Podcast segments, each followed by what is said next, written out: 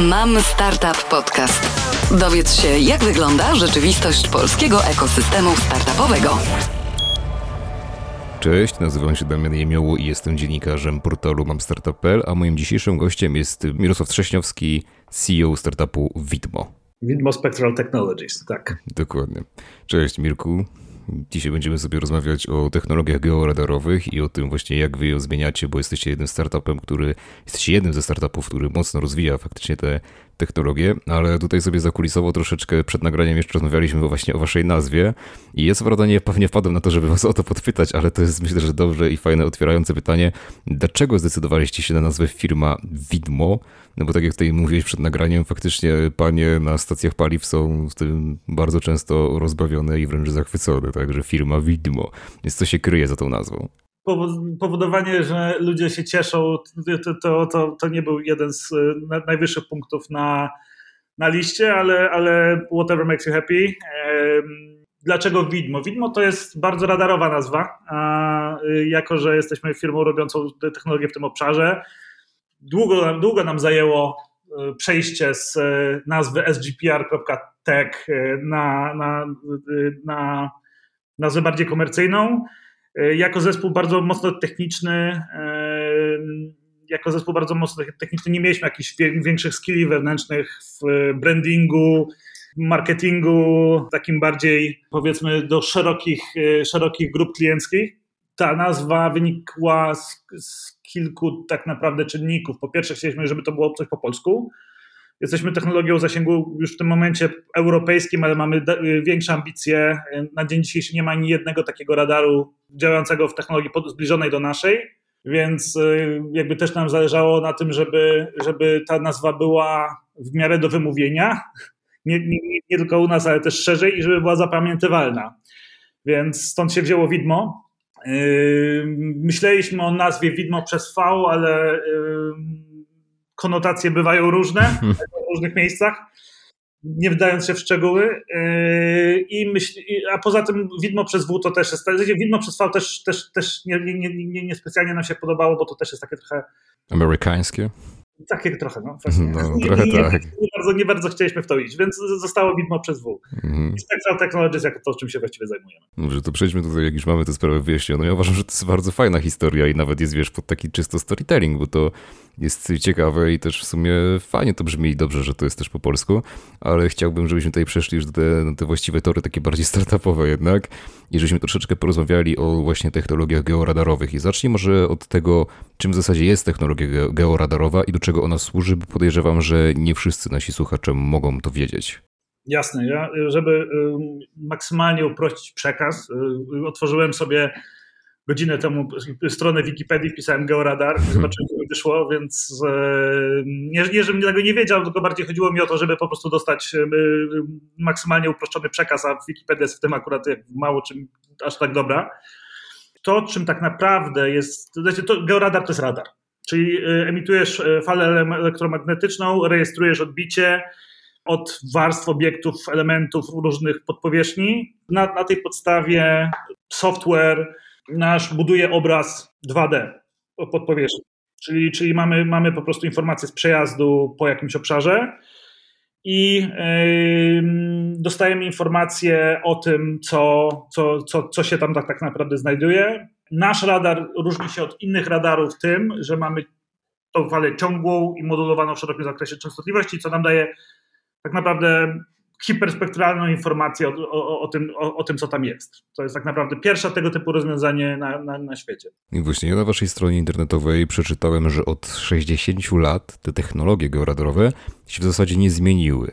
I mnie ciekawi, skąd aż taki zastój na 6 dekad, no bo to jest kupa czasu. Dlaczego to w zasadzie ciągle stało w miejscu? Odpowiedź wynika z kilku rzeczy. Po pierwsze, y, z tego, jak wygląda y, wartość rynku na dzień dzisiejszy. I to, jest, I to jest istotne, żeby to zrozumieć, że to jest rynek urządzeń, a nie rynek y, potrzeb. Jako, że georadary na dzień dzisiejszy nie spełniają roli, która jest w nich pokładana, czyli jakby nie, nie, nie, nie, były w stanie realizować potrzeby klientów, rynek jest wyceniany przez firmy analityczne, które za, jak, jak, jak sam dobrze wiem z jakichś poprzednich moich życiowych doświadczeń, mają tendencję do zawyżenia tych informacji, jest wyceniane na pół miliarda dolarów rocznie. To nie jest jakiś szał, jak, no na, jak na poziom potrzeb, które, które to ma za zadanie spełniać.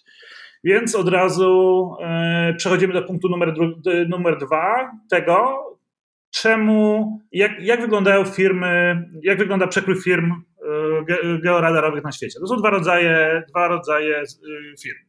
Jedne to są małe firmy, robiące, mm, robiące urządzenia, dostarczające je do klientów i od dużej części z nich my już jesteśmy więksi teraz na tym etapie. To są małe firmy, które nie mają pieniędzy, pieniędzy na to, żeby zrobić przepaść, tak naprawdę wyrzucić do śmieci swoją starą technologię i zbudować wszystko od nowa. No bo do, do, tego by się sprowadzało. Czyli to są firmy, które robią tak naprawdę tą samą technologię od 20, nastu do 20, nie wiem, 30 może nawet lat.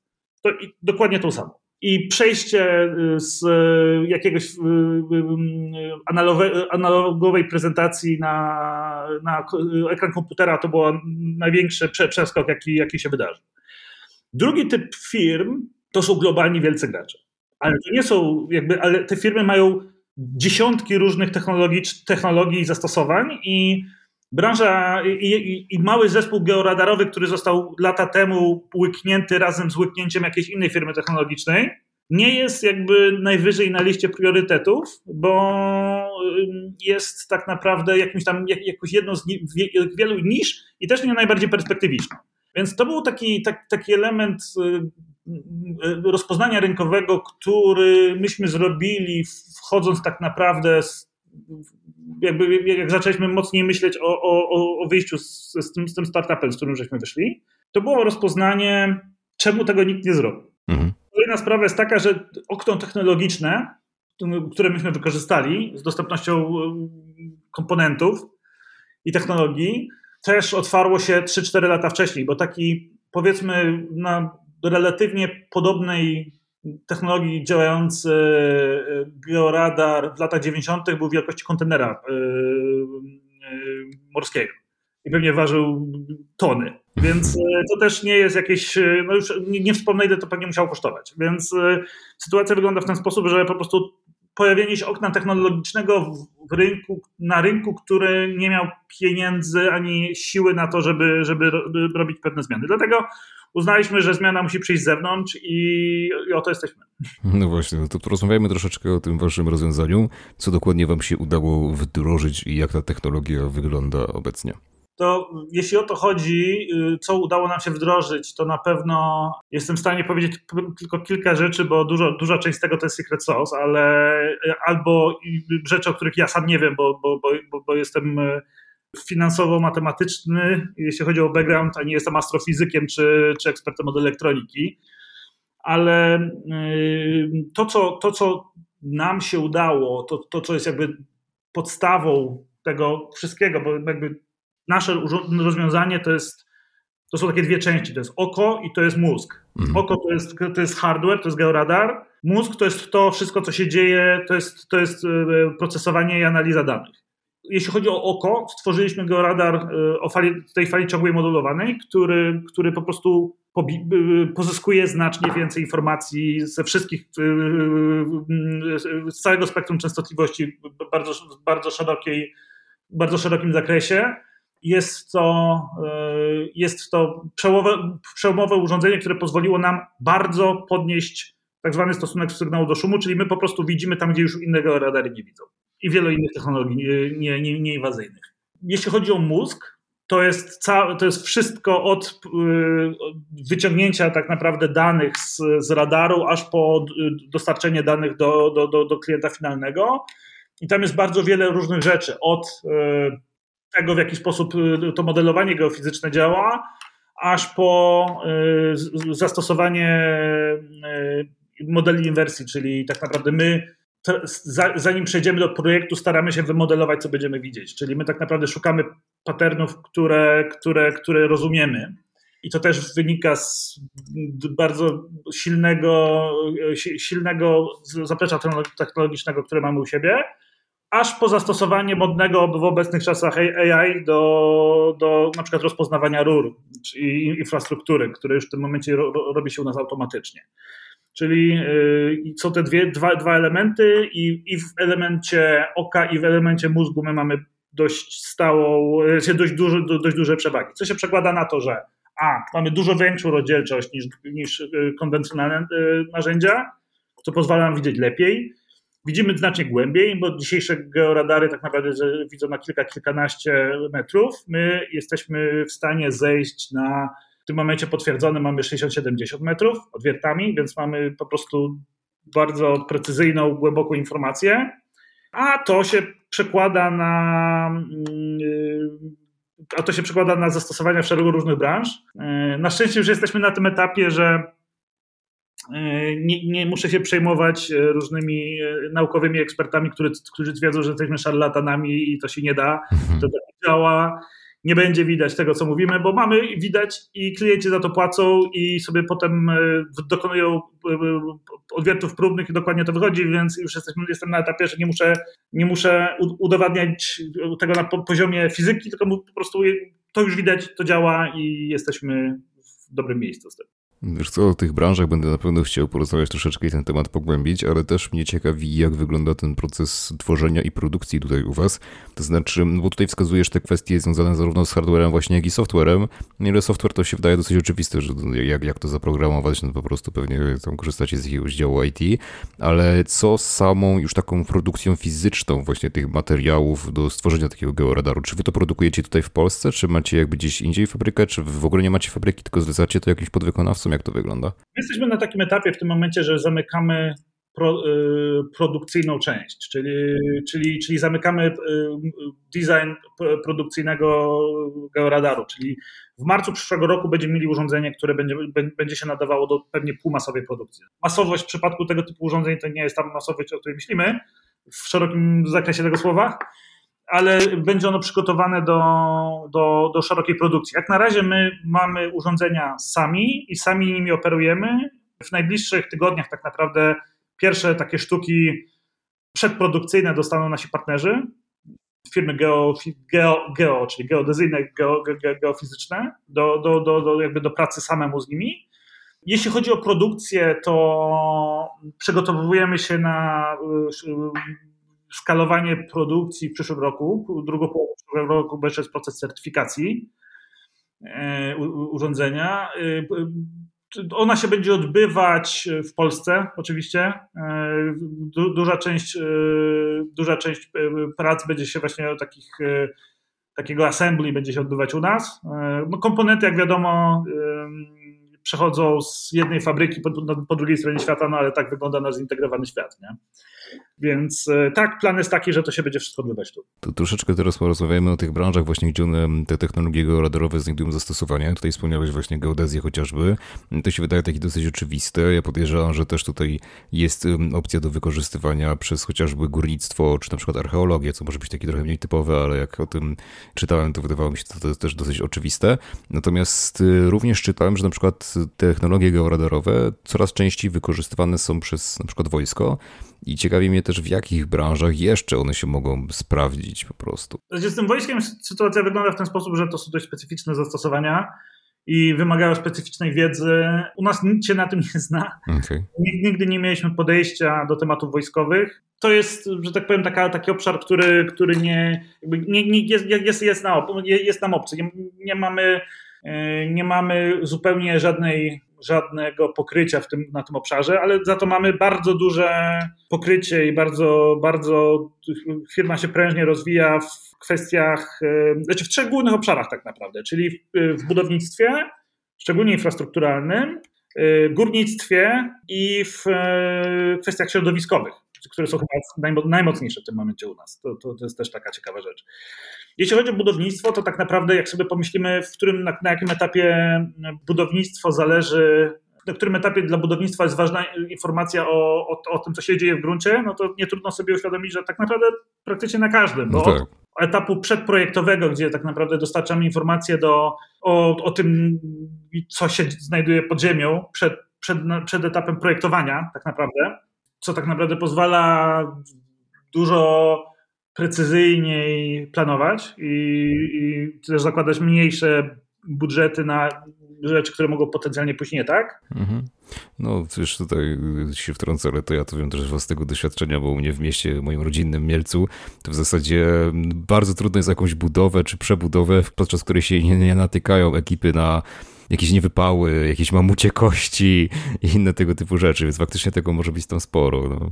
A tak naprawdę to też dotyczy y, różnych rodzajów gruntów, które się mogą przypadkiem znaleźć i które trzeba wybrać, mhm. zanim się zacznie budowę. Dokładnie. Tak rozmawiałem z e, jedną chyba z największych globalnych firm e, budowlanych, to u nich tak, to jest, to jest e, tak, tak zwane ryzyko geotechniczne materializuje się na jednej czwartej projektów budowlanych. Mhm. To jest dużo jest gigantyczne. I to jest i tak naprawdę mówimy o poważnym yy, yy, wydarzeniu, a nie o czymś, co oni się nie spodziewali i tam to znaleźli, bo to się dzieje zawsze. Tak, no to prawda. Więc, więc my tak naprawdę jesteśmy w stanie poprawić informacje dla branży, która ma bardzo niskie marże, bo, bo, bo generalne wykonawstwo to jest bardzo niskomarżowy biznes tak naprawdę. I w sytuacji, w której w sytuacji, w której materializuje im się jakieś ryzyko, przez które mają pół roku opóźnienia, bo... No na przykład znaleźli kości mamuta, cokolwiek, nie? Albo właśnie jakiś niewypał, albo coś, albo takie grunty, tak jak mówisz, które trzeba wybrać. Cokolwiek, you, you name it. Tego, tego są pewnie setki, e, jakieś e, szkody górnicze, tego, tego jest masę. Mhm. Więc e, jeżeli byliby sobie w stanie, albo są w stanie obniżyć sobie to ryzyko, no to to jest już to jest bardzo dużo. A potem masz tak naprawdę sam proces budowlany, gdzie też może dużo rzeczy pójść nie tak, aż po tak naprawdę utrzymanie infrastruktury. Czyli, czyli masz y, na jakimś y, terenie nasyp kolejowy i y, różne rzeczy się z nim dzieją w czasie, nie? Czy, czy, czy, czy, czy, czy jakaś autostrada. I to też trzeba monitorować. Utrzymanie, reakcja, zanim wystąpią zniszczenia, jest zawsze lepsze niż reagowanie na wystąpienie tych zniszczeń, więc i tańsze. Więc to też jest taki element, czyli to jest tak naprawdę cały value chain. Jeśli chodzi o górnictwo, to jest też bardzo podobnie, no bo w górnictwie też tak naprawdę od procesu eksploracji po zamknięcie kopalń i po, po, po reakcję na szkody górnicze, tak naprawdę to też jest, co teraz jest takim dość medialnym tematem w Polsce po wydarzeniach na pewnym cmentarzu, gdzie powstał sinkhole, dość spory. No to jest też taki temat, który jest bardzo żywy. I to też jest takie, y, ludzie w naszej branży startupowej często, znaczy to, to, to, to, to górnictwo nie jest takie, nie jest specjalnie modne i wszyscy unikają tego tematu, w naszej zielonej Unii Europejskiej też, ale no, każdy chyba sobie zdaje sprawę z tego, że bateria w telefonie nie powstaje z soku z drzew, nie? czyli to trzeba skądś wziąć, więc y, ta, ta branża jest i będzie, jeżeli jesteśmy w stanie zmniejszyć wpływy wpływ na środowisko, jeżeli, jeżeli jesteśmy w stanie spowodować, że proces y, górniczy będzie bardziej efektywny, czyli spadnie ce, spadną ceny y, y, surowca na wyjściu, to, to, to, to, są, to, to jest spory wpływ. Nie? To, to, jest, to, to się tak wydaje, ale to jest to jest y, tam naprawdę chyba w tym górnictwie właśnie na, na dzień dzisiejszy najbardziej widać nasz, y, nasz value added. To jest takie bardzo wymierne i jesteśmy w stanie robić procesy eksploracyjne i, i dokumentacji złoża kilkakrotnie taniej. 5, 7, 9 razy taniej dosłownie. To co jeszcze z tymi kwestiami środowiskowymi, o których mi też wspominałeś, że tutaj również wasze rozwiązanie jest wykorzystywane? Szkody górnicze widzimy bardzo dobrze wodę, co okay. też powoduje, że, że jesteśmy w stanie całkiem nieźle mapować te, te, te, te obszary, gdzie woda jest albo problemem, albo, albo jest poszukiwana. Mieliśmy, pamiętam, jakiś czas temu, to było jeszcze przed wojną, tą obecną, e, zapytanie już y, byliśmy tak na dość zaawansowanym etapie rozmów z, z Norniklem, dawnym Norilsk Nikiel. To jest to takie piękne, wspaniałe miasto w Rosji, y, gdzie nie ma wjazdu, które zajmuje się wyłącznie wydobyciem y, i, i, i hutnictwem niklu. I im się, i to jest miasto, które się znajduje na, na obszarze wiecznej zmarzliny, która już nie jest wieczna. I z z zamarzniętej ziemi, na której oni budowali jak na, po prostu na skalę, ta ziemia się rozmarza i staje się, to, to jest torf po prostu. Więc y, no, nie ma to żadnej nośności, im się to wszystko wali tam w, w, w tym norylsku w lecie, jak się to wszystko roz, rozmarza. No, ale już, że tak powiem, temat ucichł.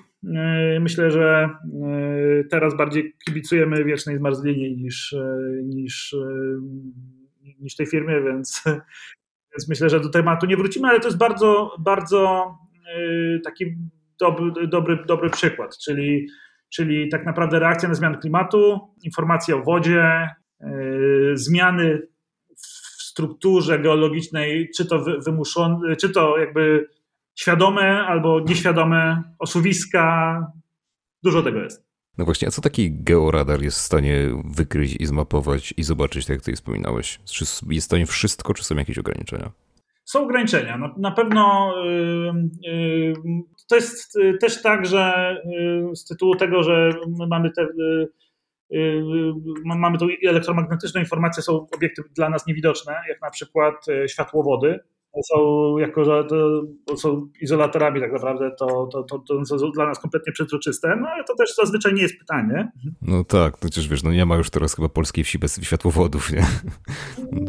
Dlatego jak miałem pytanie od pewnej dużej japońskiej firmy, chcieli szukać światłowodów, bo nie ma na dzień dzisiejszy technologii, która jest w stanie mapować y, położone, już położone światłowody, no powiedziałem, że dalej nie ma takiej technologii i musieliśmy się rozejść w pokoju, bo nie byliśmy w stanie tego zobaczyć. Gdzie wymodelowaliśmy sobie to i nie bylibyśmy w stanie tego na pewno zobaczyć, więc nie było o czym gadać. Poza jakimś casingiem tego, ale oni, to, też mi było, to też było, nie było tam, nie było punktu zaczepienia. Jest też, jeśli chodzi o ograniczenia, na przykład poważnym ograniczeniem dla nas jest słona woda, jako że ma, ma wysoki poziom przewodności, no to przez słoną wodę tak naprawdę jesteśmy w stanie się przebić na głębokość metra, półtora metra, więc yy, szukanie czegoś pod dnem morskim też raczej nie bardzo wchodzi w grę. Jest, yy, bardzo dobrze widzimy warstwy, dobrze widzimy obiekty, pustki. Jako, że mamy wysoką rozdzielczość, to, to, to te obiekty widać całkiem nieźle. Mamy, yy, teraz tworzymy takie rozwiązanie, nie mogę za bardzo o nim mówić, jesteśmy w takim projekcie, komercyjnym, czysto jedną z największych y, firm na świecie zajmujących się automatyką przemysłową. Szukamy konkretnych obiektów z wysokości, więc to też jest takie, stosujemy tą metodę inwersji, żeby tworzyć obrazy tych obiektów i, i potem z, z, pewnej wysokości staramy się je znaleźć po prostu w masie pewnych, w pewnej masie, że tak to, to że tak to zostawię niestety z wszystkimi słuchaczami naraz nie da się podpisać NDA. No to byłoby trudne dosyć. Y, więc, więc jakby to jest dużo rzeczy, które, które jesteśmy w stanie widzieć, a też poprawiamy ten nasz poziom widzenia poprzez właśnie tworzenie tych modeli inwersji, czyli tworzenie, tworzenie obrazów i zastanawianie się w jaki sposób, modelowaniu w jaki sposób nasz rada je będzie widział i po prostu widząc potem podobny pattern wiemy, że to jest to, albo praktycznie z jakimś bardzo wysokim prawdopodobieństwem to jest to. A ile w ogóle kosztuje wprowadzenie takiego rozwiązania na rynek? Na dzień dzisiejszy udało nam się pozyskać z źródeł e, prywatnych, znaczy prywatnych, z, z, od VC, od, od e, Angeli, z e, wielu innych źródeł grantowych razem, około 4 milionów euro takim hakiem i to pozwoli na stworzenie urządzenia gotowego do procesu produkcyjnego. Czyli jakby to jest, to jest tyle, ile na, nas kosztowało stworzenie, stworzenie tego urządzenia. Projekt się tak naprawdę na bardzo poważnie rozkręcił końcówką 2018 roku, więc to jest po prostu pokłosie posiadania dużej ilości, no, do, do, dużej liczby wysoko wyspecjalizowanych ekspertów, y, laboratoriów, y, komponentów, e, software'u, you name it. To są, to nie, niestety Deep Tech nie jest tanią imprezą.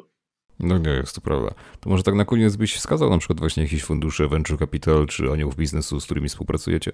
E, jeśli chodzi, o, e, jeśli chodzi o fundusze, to z tego co wiem, nasz fundusz VC jest zamknięty już, więc jakby nie, nie, nie jesteśmy w stanie ich rekomendować. Z tego co wiem, tam coś się dalej dzieje, ale nie, nie, nie wiem, tak, tak, nie, nie, nie, nie jestem w tym procesie. Teraz wchodzi z tego, co słyszałem, bardzo ciekawy e, taki program ściągający zagraniczne fundusze VC do Polski.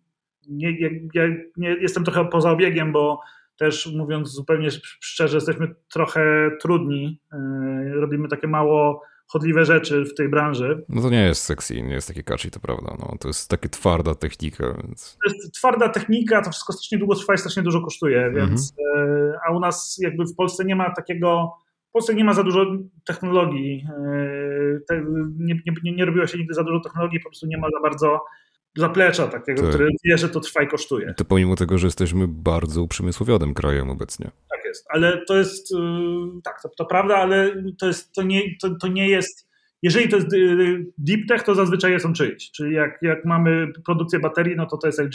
Mhm. To prawda. I tacy Japończycy i Koreańczycy wiedzą, że to trwa i kosztuje. Mhm, tak. Więc u nas się dalej tego nie wie, więc jakby bardzo, bardzo spe, mam bardzo specyficzną e, relację z polskim funduszem, e, z polskim rynkiem VC. Tak zupełnie szczerze, za bardzo za, nie liczę na to, że się coś tutaj uda załatwić e, w, w tym obszarze.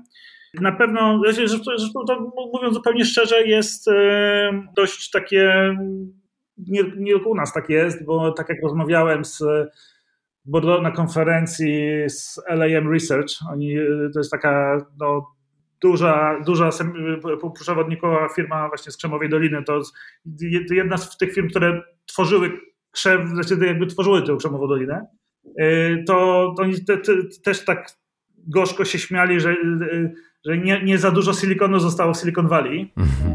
To tam też jest bardzo, to jest wszystko takie lekkie software'owe. B2B software w najlepszym, w najlepszym wypadku, więc tam też, tam też startupy, na- nawet w Stanach startupy, które chcą robić deep tech, tak naprawdę w dużym stopniu bazują na grantach. Mhm. Więc, e, więc DARPA e, w Kanadzie to też jest bardzo mocne, tak naprawdę jedno z głównych finansow- źródeł finansowania tego typu startupów. Więc mogę kogoś polecić, na chwilę obecną nie jestem w stanie. Nie wiem, po prostu. A wy sięgacie w takim razie, albo chcecie sięgać po finansowanie gdzieś właśnie z tej Korei czy Japonii? No bo na przykład Korea coraz mocniej tutaj chce inwestować w Polsce. Pomidor. Pomidor, no dobrze. Nie, nie, zupełnie szczerze to, to y, rozmawialiśmy z Japończykami. Y, z nimi się bardzo dobrze rozmawia, bo oni naprawdę to rozumieją, że to po prostu trwa i kosztuje. No tak, no to wiesz, no w końcu to jest mnóstwo tam firm technologicznych, które od początku do końca to robiły. Nie? Tak, tak, tak, tak. I to jakby oni wiedzą, że to są lata. Tylko, że potem kończy się to w ten sposób, że y, budujesz urządzenie, które ma, dzięki któremu jesteś w stanie robić niespotykane w, w, w, gdzie indziej poziomem procenty marsz. Nie musisz dosypywać e, cały czas e, e, cały czas pieniędzy od VC, tak jak Ubery, Bolty i tak dalej, muszą, żeby, żeby wygryźć konkurencję pie- pieniędzmi, od, tanim kapitałem od VC, tylko budujesz po prostu pozycję, konkurencję na, na dekadę i sobie na niej siedzisz. I rozwijasz po prostu szereg zastosowań, a nie, nie wiem, samą technologię, bo w niej masz, w niej jakby jesteś w stanie zbudować, jesteś w stanie zbudować monopol, więc tak, to, to, jest, to jest taki... Chciałbym, żeby to było trochę bardziej zrozumiałe u nas, ale nie jest, więc na dzień dzisiejszy, jak ktoś by mnie zapytał, skąd wziąć na takie coś pieniądze, to mówię, to, to mówię projekty, projekty, grantowe. Dobrze, to Ci bardzo dziękuję Mirku za tę rozmowę i za podzielenie się tym, właśnie jak wyglądają te technologie georadarowe też i jak ogólnie wygląda Wasz startup. No I życzę powodzenia, bo to brzmi bardzo dobrze, pomimo tego, że jest właśnie taka twarda, czysta technika, ale my też potrzebujemy takiej twardej, czystej techniki, kaman. Nie możemy zostawać w tyle, bo jednak właśnie narzeczona Azja nas w końcu i tak już nas przegoniła, ale, ale może po- po- powoli, powolutku, powolutku ją będziemy gonić. No i życzę oczywiście, tak jak mówię, powodzenia w rozwijaniu Waszego rozwiązania, Waszej spółki i wdrażaniu tego na rynek. Dzięki wielkie.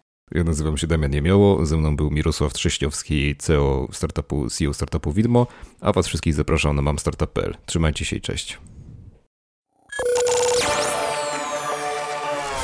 Sprawdź inne odcinki Mam Startup Podcast na Spotify, YouTube, Apple Podcast i Google Podcast.